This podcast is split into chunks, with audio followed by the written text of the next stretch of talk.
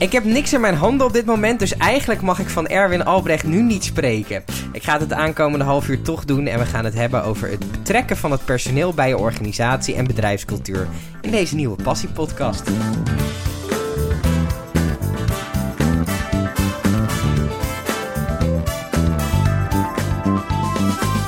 Erwin, goed dat je er bent. Dankjewel. Uh, ja, Talking Sticks, wat is dat precies? Sticks, ehm, dat is mijn bedrijf. Ja. En mijn bedrijf houdt zich bezig, zoals je net al in de inleiding zei, met het betrekken van mensen bij de organisatie. Ja. Want uh, de ervaring leert dat mensen best vaak uh, zich niet betrokken voelen. Mm -hmm. Dat ze ook door de, de, bedrijfsleiding niet echt worden uitgenodigd om hun ideeën uh, te uiten. Ja. En om, naar mijn idee is het voor een bedrijf best handig om dat wel te doen. Het is ook eigenlijk heel raar, want je, nou ja, als je uitgaat van fulltime, mensen um, die zijn 40 uur per week uh, zijn ze bezig binnen hun bedrijf. Ik denk dat heel veel mensen hun werk toch op een of andere manier ook nog mee naar huis nemen. Dus het is een dermate groot onderdeel van je leven dat je toch zou zeggen dat mensen zich daar betrokken bij zouden voelen. Ja, en toch blijkt dat niet zo te zijn. Er zijn best veel mensen, uh, en onderzoek wijst uit dat dat soms wel tot in uh, 80% van, het, van de werknemers is, Mhm. mm -hmm. die zich niet betrokken voelt, die daar wel naar dat bedrijf toe gaat, naar het werk toe gaat. Ja, het levert geld op Mhm. en dat is eigenlijk belangrijkste drijfveer. Maar ze hebben niet het idee dat hun nou echt wordt gevraagd van, wat vind jij er nou van? En heb je nog ideeën dat het beter zou kunnen? En wat zijn die ideeën dan? Ligt er een verantwoordelijkheid voor het bedrijf? Vind ik wel. Zo, zowel voor, uh, omdat het voor het bedrijf zelf beter is. Mm -hmm. Ik bedoel, elk goed idee is er eentje. En als je daar niet naar gaat vragen en mensen die komen daar niet spontaan mee, dan laat je toch een heleboel lopen. Mm -hmm. Maar daarnaast heb je ook de verantwoordelijkheid voor de medewerkers. Want Ja. de medewerkers, alle mensen in algemene zin, die willen gewoon gelukkig zijn in hun leven. Ja. En als je daar uh, aan kan bijdragen door mensen meer te betrekken bij wat ze zelf doen en, Mhm. en, en voor jouw bedrijf, dan is dat volgens mij dubbele winst. Waarom? Uh, het, het is op zich natuurlijk ook logisch dat um, mensen durven soms niet naar voren te stappen, omdat ze toch ook denken van ja, uh, als ik te veel als de beide handen misschien overkomt, dat is denk ik toch wel een angst voor mensen. Het gaat wel om mijn inkomen en mijn gezin en mijn hypotheek en mijn. Hoe kan je daar als bedrijf voor zorgen dat mensen zich toch comfortabel voelen om, om naar voren te stappen en iets te zeggen? Nou, je kan een heleboel veiligheden inbouwen, Ja. waardoor het makkelijker wordt om over, ook over lastige kwesties te praten. Noem daar eens een voorbeeld van. Nou ja, een van de methodes die ik daarvoor gebruik, dat heet uh, Deep Democracy. Mhm. En bij Deep Democracy ga je uit van het uh, meerderheidsstandpunt en vervolgens ga je kijken, zijn er nog mensen die iets heel anders vinden? Mhm. En dan blijkt er altijd wel één iemand te zijn die, uh, dat ze, die, die, iets anders vindt. En die steekt dan schoorvoetend zijn vinger op. Mhm. En daarna vraag je van, en is er nog iemand anders die dat ook vindt? Ja. En dan zijn er vaak nog wel een paar. Handen. En dan, op die manier creëer je veiligheid. En heb je het idee van, ja, ik ben niet de enige die iets raar vindt. Maar eigenlijk vinden we het allemaal, of een heleboel. beetje, alleen ja. we durven het niet te zeggen. Ja. Wat zijn de grootste uitdagingen voor de meeste bedrijven als het gaat om bedrijfscultuur? Uh, naar mijn idee het ervoor zorgen dat de mensen zich veilig voelen. En, en veilig om, om, datgene te zeggen. Zonder dat ze denken van ja, als ik nu mijn mond open, open doe, dan mag ik me straks melden bij HRM. En dan uh, ben ik morgen sta ik op straat. Ja. Um, is het niet lastig, want bedrijven, mensen die bij jou komen, bedrijven die bij jou komen, zijn dat bedrijven waar de bedrijfscultuur niet optimaal is en ze hebben dat door? Of wat zijn de mensen die bij jou komen? Ja, dat wisselt heel erg. Meestal de echte, de, de hardcore bedrijven waar het niet lekker zit. Ja, dat zijn blijkbaar ook niet, ook niet de bedrijven die denken van wij gaan daar wat aan veranderen. Ja. Vaak zijn die, uh, hebben die een fantastische kwaliteit uh. Mm -hmm. uh, die hebben gewoon niet in de gaten dat het niet lekker loopt. En die hebben ook niet in de gaten Of zijn dat... ze bang voor het alternatief? Ja, dat zou goed kunnen. Dat ze bang zijn voor het idee van ja, als, als ik nu begin aan het morrelen aan datgene wat in beton gegoten is. Mhm. -hmm. Ik heb geen idee waar het gaat eindigen, maar uh, goed zal het niet wezen. Ja. En dat is wel jammer, ja. want ik denk dat het een onterechte angst is. Ja. Wat is jouw achtergrond? Van huis uit ben ik uh, communicatieadviseur. Ja, oké. Okay. Ik heb jarenlang uh, uh, echt communicatie voor, voor organisaties gedaan. foldertjes maken, persvoorlichting, woordvoering, bijeenkomsten organiseren. Nou ja, datgene wat een communicatieadviseur ten, heden, dagen, heden ten dagen doet. Ja. En wat, hoe ben je vanaf daar gekomen tot wat je nu doet? Nou, ik, op, op, een gegeven moment had ik niet zo ontzettend veel uh, zin meer in, in, in het maken van die foldertjes. Ik had het idee van, je kan een veel grotere slag maken als je ervoor zorgt dat je uh, gaat luisteren naar medewerkers. En, en, gaat luisteren naar mensen in het algemeen. Ik heb ook in de tijd dat ik voor het, voor het waterschap werkte, heb ik regelmatig uh, bijeenkomsten bijgewoond. Waarbij mensen ook niet echt werd gevraagd naar wat ze ervan vonden. Mhm. En op het moment dat je dat wel doet en, en wel slim aan de gang gaat met van ja, wij gaan bij u een, eh, nou, noem eens wat, een, een oever verbeteren. Ja. Eh, dan kan je dat, dat op een aantal manieren doen. De manier waarop het vaak ging is van eh, we gaan het doen, we doen het zus en zo en we doen het dan en dan. En u wordt geacht uw auto even aan de andere kant te parkeren. Ja. Je kan ook zeggen, wij hebben het voornemen om dat te doen. We doen het om deze en deze reden. Mhm. En heeft u misschien ook nog een idee van hoe we dat slim zouden kunnen doen, zodanig dat we de resultaten gaan halen die we willen hebben. Ja. Dat is een wat andere insteek, maar mensen ja. voelen zich wel veel meer Veel- veel uitgenodigd om, er, ja. om er wat van te vinden. En op het moment dat je dat doet, dat kost in eerste instantie veel meer tijd. Mhm. Maar zeker bij waterschappen en eigenlijk bij alle overheden die op de een of andere manier in de publieke ruimte bezig zijn. Ja. De ervaring leert van dat eh, 99 van de 100 keer eindigt dat in procedures en weet ik veel wat Ja, voor gedoe. En 99 van diezelfde 100 keer is dat omdat mensen niet van tevoren zijn betrokken bij datgene wat er ging gebeuren. Nou, dat zag ik in, eh, bij overheden en toen dacht ik van ja, maar dat is in het bedrijfsleven niet heel veel anders. Nee, Dus daar ben ik dan ook wel mee aan de gang. gegaan. Is het bedrijf er voor zijn werknemers of is het bedrijf er voor zijn klanten? Vind ik een moeilijke. Ehm, ja, je, je kan zonder beide kan je niet. Nee. Je kan niet zonder klanten en Nee. je kan, kan niet zonder werknemers. Nee. Eh, er zijn bedrijven, en met, name in Amerika, eh, zijn er maar een paar, die hebben echt eh, de, gaan eerst kijken naar de- het welzijn van de werknemer. Mhm. Vanuit het idee van, nou, als het met de werknemer goed gaat, dan gaat het vervolgens met de klant ook wel goed. Ja. Eh, er zijn ook bedrijven die zeggen, van, ja, allemaal leuk, lief en aardig, maar als ik geen klanten heb, dan kunnen die werknemers, die mag ik de dag daarna ontslaan. Ja. Dus eh, ja, ik, ik weet het eerlijk gezegd niet zo Als goed. je ik moet denk dat ze allebei be- belangrijk zijn. Als ik moet kiezen, dan denk ik dat ik toch voor de werknemer kies. ja.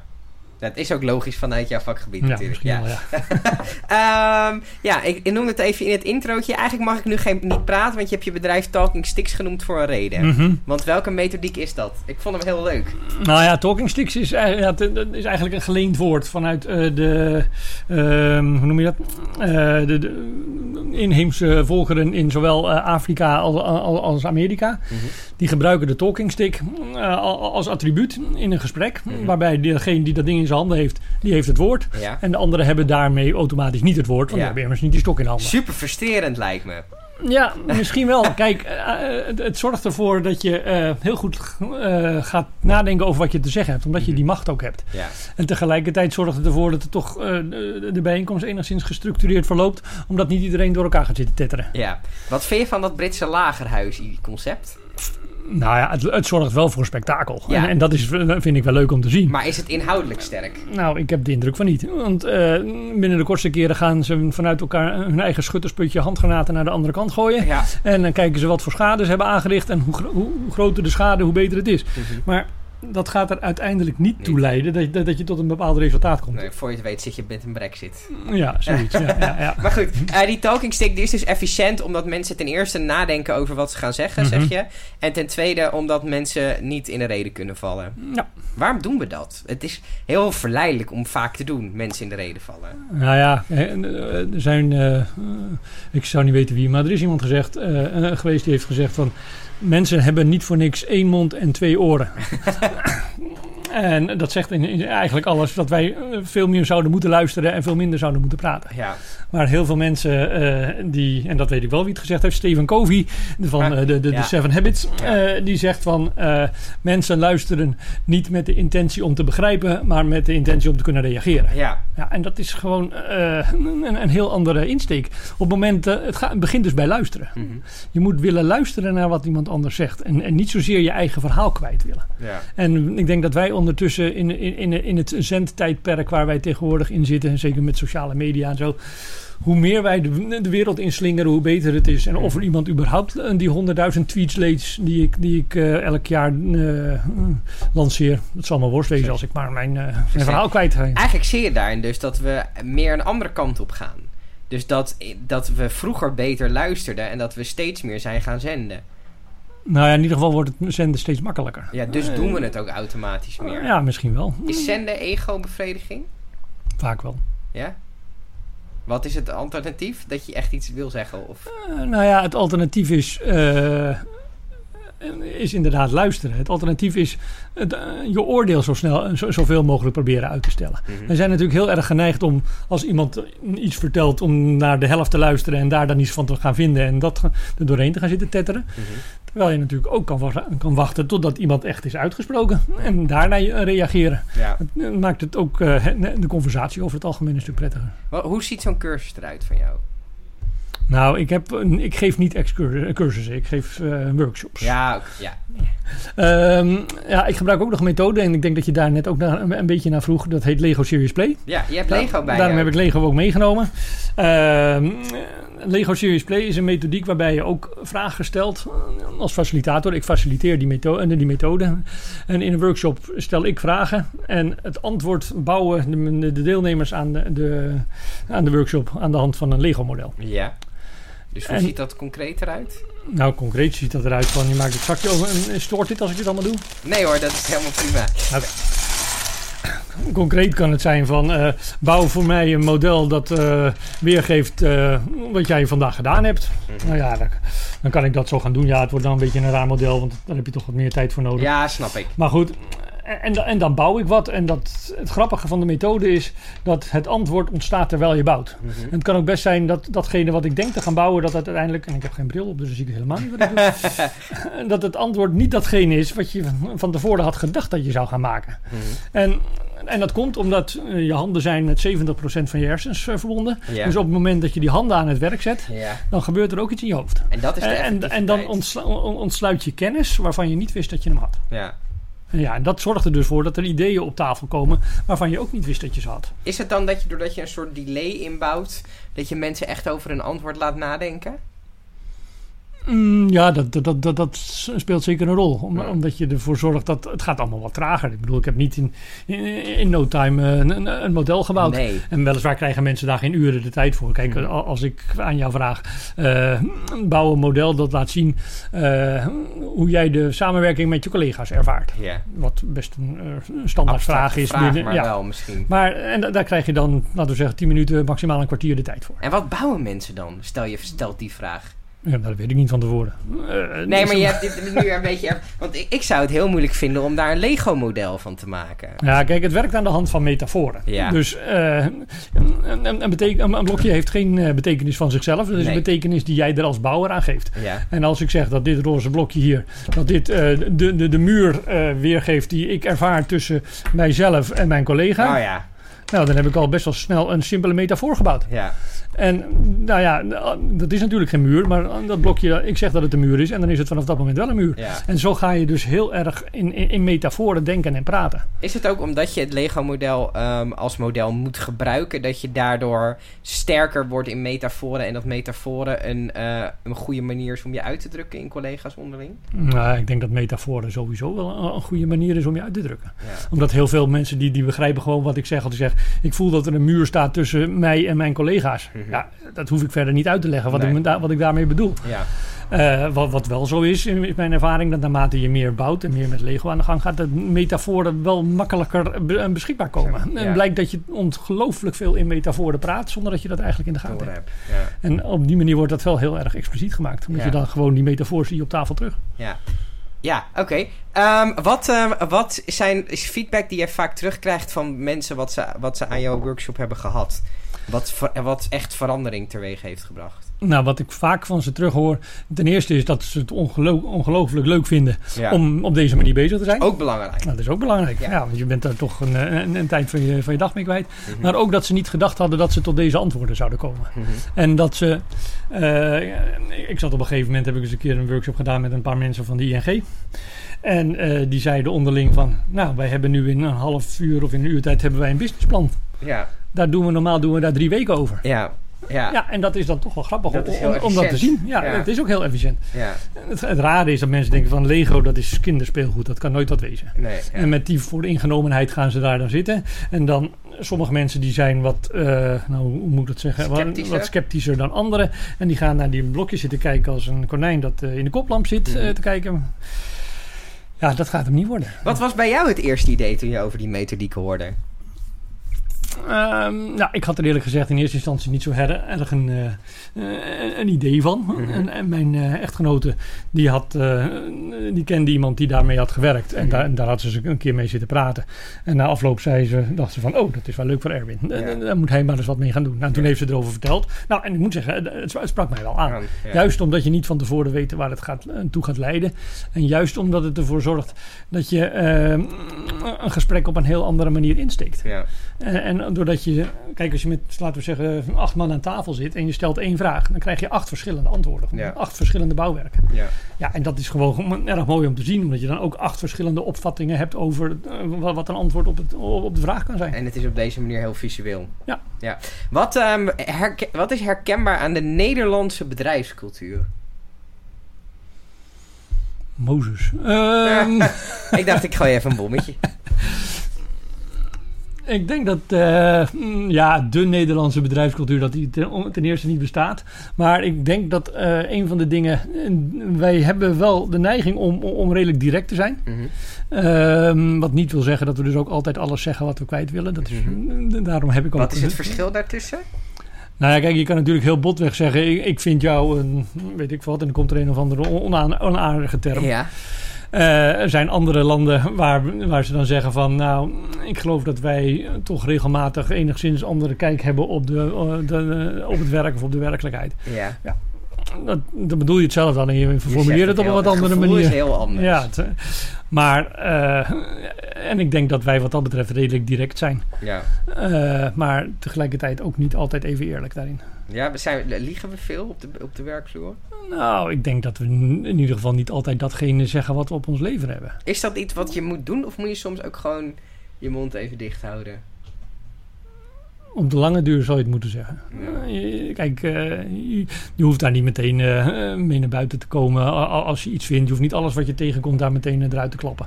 Want dan krijg je weer dat, dat, dat, die zendneiging waarvan Ja. ik denk van ja, waar, waar, waar, waar leidt dat toe? Ja.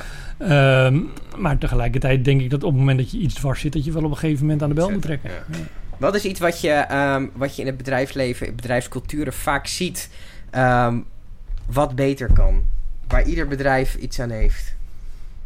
Beter kan het organiseren van eh, de momenten waarin je met elkaar in gesprek gaat. En hoe bedoel je dat? Ehm, nu hebben we heel vaak eh, een werkoverleg. Eh, of de meeste organisaties hebben wel een werkoverleg. Soms is dat één keer in de week en soms is dat één keer in de twee weken. Soms is het maar één keer per maand. En wat we dan altijd doen, dat is dat we een agenda van tevoren Ja. krijgen. Die gaan we van voor tot achter afwerken. Ja. En, maar in mijn, naar mijn beleving eh, komt 9 van de 10 keer niet datgene echt ter tafel waar het over zou moeten gaan. En eh, een van de manieren waarop je dat heel gemakkelijk zou kunnen doen, is door eh, wat ze noemen in, in te checken. Dus van tevoren aan iedereen vragen van, goh, hoe zit je erbij? En wat zorgt erbij, ervoor dat je hier met plezier zit? En wat zorgt ervoor dat je denkt van, ik was liever ergens anders geweest? Zeg je eigenlijk daarmee, die meeting gaat te veel over het inhoudelijke agenda, werktechnische, en te weinig over het persoonlijke vlak van de werknemers? Hm, Ja, ik denk dat dat vaak zo is. Ja. En, En het hoeft geen knuffelsessie te worden. en het hoeft ook niet en je hebt allemaal... ook mensen die daar, die daar denken, ik ben op werk, hier ben ik echt heel allergisch voor op mijn werk, dat persoonlijke gelul. Ja, ja, ja, Hoe ga je met die mensen om? Ehm, over het algemeen eh, laat ik ze er wel bij, logischerwijs. Ja, jij mag niet mee naar binnen. Nee, hij mag niet meedoen. Ehm, en, en, en ik nodig ze uit om het gewoon eventjes aan te kijken van hoe het gaat, hoe dat, wat wat er gebeurt. En zie je dan ontdooiing ergens gedurende? Heel vaak wel. Ja. Ja. Heel vaak denken mensen wel, oh ja, maar wacht even, dit is eigenlijk helemaal zo soft nog niet. Ja. Alleen worden dingen wel eh, geadresseerd die anders eh, wellicht eh, onder de oppervlakte zouden blijven. Ja. En op het moment dat je met, zelf met iets zit of er zit een conflict in de afdeling of in een team of weet ik veel wat. Kijk, dat, dat, dat ettert wel gewoon enthousiast door. Mhm. Eh, tot het moment dat het min of meer onbeheersbaar is en dat mensen elkaar bij wijze van eh, spreken naar het leven gaan staan. ja. Ja, dat is een beetje jammer. Dan- Ja. Je kan dat al veel eerder, kan je iets adresseren. En dat wil ook niet zeggen dat je zegt, nou, ik vind dat jij voortaan je, je pen, die moet je niet daar neerleggen, maar daar. Ja. Dat stoort mij daar. Ja. Dan wordt het inderdaad van dat muggenzicht. Irritant. Maar als iemand eh, de god van zijn tijd denkt van... nou ja, eh, ik ga lekker met mijn eh, scho- scho- schoenen uit en met mijn stinkvoeten op tafel zitten... want ik vind dat ik die vrijheid heb. Ja. Ja, dan kan je er natuurlijk daar niks aan doen. Maar je kan ook op een gegeven moment zeggen... van, ja, wacht eventjes. Ja, zo, zo zitten, wij, oké. zo zitten wij niet in elkaar. Ja. Dus je zal op een zeker moment al- als, er iets is, als er iets speelt, dan zal je dat moeten adresseren. Ja. Wat zijn bedrijven in Nederland, laten we het even in Nederland houden, die hun interne bedrijfscultuur, die dat echt goed op orde hebben, die dat echt begrijpen? Ehm, ja, ik moet zeggen dat ik meer van horen zeggen dan ben Dat dan, snap dan, ik, dan, ja. dan, dan dat ik dat zeker weet. Ehm, ik heb begrepen dat KPN eh, heel goed bezig is wel wat dat betreft om eh, er, ervoor te zorgen dat, dat die steeds meer luisteren naar de medewerkers. Ik heb begrepen dat KLM eh, daar ook be- be- best goed mee bezig is. Al zou je dat niet zeggen als er nu weer gestaakt wordt door het Ja. grondpersoneel. Maar Ja, Misschien zijn nog Misschien niet op niet alle op afdelingen. Ja, dat, dat is natuurlijk ook wel een beetje triest. Dat het meestal ergens bovenin de boom, daar zorgen ze wel goed voor elkaar. Maar degene die uiteindelijk het geld verdienen, die zitten meestal onderin. ja, Ja, die, die, die negeren ze dan een beetje. ja. Eh, ehm, en, en hoe heet het? En, eh, de, de, de Nederlandse Spoorwegen, Mhm. ook een groot bedrijf. Die, Ja. eh, daar hebben ze duidelijk. eh, ik heb ook een aardig boekje gelezen een paar weken geleden. eh, waarover eh, met de titel: Het gaat niet om why, maar om wij. Mhm. Eh, Ja. die- dus echt die, ook de medewerker eerst en eh, niet zozeer het hogere doel van de organisatie. Want Ja. eh, als je die medewerker niet meekrijgt, dan kan je hogere doelen stellen tot je een ons weegt, maar je gaat er niet komen. Dat is misschien wel een interessante vraag nog. Eh, kijk, als ik bijvoorbeeld kijk naar ons bedrijf, wij zijn met een, een kleine groep. Eh, dus het is heel makkelijk ook om bepaalde wijzigingen door te voeren. Want eh, iedereen zit bij elkaar als er iets besproken wordt. Maar hoe doe je dat in een grote organisatie? Hoe voer je een bedrijfscultuur die in een grote organisatie door moet stromen? En hoe wijzig je dat vooral? Mhm. Want kijk wat er door de jaren heen is ingeslopen, dat, dat blijft wel behouden, omdat het zo langzaam is gegaan. Maar stel je beslist bij de Albert Heijn eh, op een gegeven moment van eh, we willen dit veranderen in onze bedrijfscultuur. Maar vervolgens heb je daar honderden managers onder zitten. Daaronder zitten weer allemaal filiaalmanagers, Mhm. teamleiders. Hoe krijg je dat over zo'n bedrijf uitgestroomd? Klein beginnen. En, en dat, daar bedoel je mee? Ehm, dat je op zoek moet gaan naar een, een, een kleine voorhoede die eh, zich aangesproken voelt door die verandering die je wil gaan doorvoeren. En hun de vrijheid geven om daarmee te gaan experimenteren, Ja. eh, daar gekke dingen mee te gaan doen. eh, en, en, en zich, niet, zich, al te, zich niet al te veel gelegen laten liggen aan de, de heersende bedrijfscultuur. Maar gewoon experimenteren. Ja. Maar dan niet organisatiebreed eh, het uit willen rollen. Als ik ergens een jeukwoord van vind, dan is het wel uitrollen. Ehm, want dat gaat namelijk niet werken. Nee. Dan organiseer je voornamelijk je eigen weerstand. En dan krijg je nooit al die mensen in één keer mee. Dus het is veel slimmer om klein te beginnen. En dan als een soort van olievlek gaat zich dat verspreiden. En van, oh, maar wacht eens even, dat is eigenlijk best leuk zoals hij daar eh, mee, mee aan de gang gaat. Oh, kan ik daar aan meedoen? Ja, daar kan jij mee gaan doen. Morgen gaan we weer bespreken hoe we de volgende goede actie gaan doen. En eh, zo gaat dat eh, steeds verder. Het gaat traag. Het gaat, ja, ja, ja het, het is niet van de een op de andere dag Ik- eh, geregeld. Ik, ik- ik denk dat je wel een paar jaar bezig bent, alles bij elkaar. Ik heb ook het idee, en dat. eh, ik heb het idee dat. Maar ik ga nu een hypothese neerleggen, want nogmaals, ik ben de leek en ik sta er op afstand. Kom maar. Ik heb het idee dat bij grote bedrijven vaak dan inmiddels toch wel het ding is gekomen van: oké, een bedrijf heeft ook een cultuur. En een Mhm. eh, bedrijf is niet alleen maar klanten en geld verdienen. We hebben ook personeel, daar moeten we goed voor zorgen. Zowel voor intern als onze uitstraling naar extern. Ik heb het idee dat er in heel veel boardrooms wordt bedacht: oké, eh, we moeten daar iets mee. Dan wordt er een plannetje bedacht. Dat wordt dan op die organisatie neergedumpt en dat wordt, loopt hartstikke dood. Ja. Nou, dat eh, idee dat is, eh, dat is denk ik redelijk correct. En waarom, waarom, waarom lukt dat dan niet? Omdat ze denk ik al verkeerd begonnen zijn. En dat, hoe bedoel je dat dan? Eh, we gaan een, een plan, in de boardroom bedenken ze een plannetje en dat wordt dan in die organisatie gedumpt en dan loopt het hartstikke dood. Dat waren ongeveer jouw woorden. Ja. En daarvan, eh, ze bedenken het bovenin en ze flikkeren het eh, van de trap en dan hopen ze dat iedereen dat eh, vervolgens gaat doen. Terwijl die mensen die lezen die Oh. mailing en die denken... Ja, flikker op, ik moet weer eh, vakken gaan vullen. Ja, ik heb wel wat anders te doen. Ja. Eh, ik, ik- ik zag toevallig vandaag was ik bezig over een, een, een boekje te lezen over interne communicatie. En daar stond dat bij een willekeurige verandering dat eh, de, de toplaag die heeft vijf weken de tijd om daarover na te denken. Ja. Het managementteam heeft vijf dagen. Ja. De eh, het Ja, middelmanager heeft vijf, eh, eh, vijf uur. Ja. En de medewerker heeft vijf minuten om Ja. het te snappen. Ja, Ja, vind je het dan raar dat het niet werkt? ja, en terwijl juist die, die medewerker, die is degene die er Ja, profijt die- dat is de- uiteindelijk degene die het moet gaan doen. Ja, en die heeft er het minste tijd voor. Je, je hebt van die aardige eh, uitspraken, en ik denk dat daar wel wat in zit. Dat eh, eh, Nederland, daar gaat niks mee eh, mis als alle managers een week lang tegelijkertijd op vakantie gaan. Ja. Is dat zo? Maar ja, dat denk ik. Ja. Ja. Terwijl als alle, vast leuk om te horen. als, alle, eh, als alle uitvoerende medewerkers een week lang op vakantie gaan, Ja. nou dan, eh, nou ja, kijk maar naar- het grondpersoneel van KLM. ja, dan Je hoeft maar, te- te- hoeft maar twee uur te staken en de, de, de, en de boel loopt hopeloos in het honderd. ja. Nou, laat staan als ze een week lang staken. Of, of vuilnismannen of zo, of noem maar wat. Is het omdat wij zo'n HBO-economie hebben in Nederland dat we heel veel overbodige banen hebben? Ik denk wel dat we veel te veel managers hebben, ja. Ik denk dat we veel te veel... eh, of nou, laat ik het anders formuleren. Ik denk dat wij eh, gewoon het, het, het gewone handwerk, dat we dat veel te weinig waarderen. En, en te veel eh, waarde hechten aan mensen die lopen te coördineren en te regelen.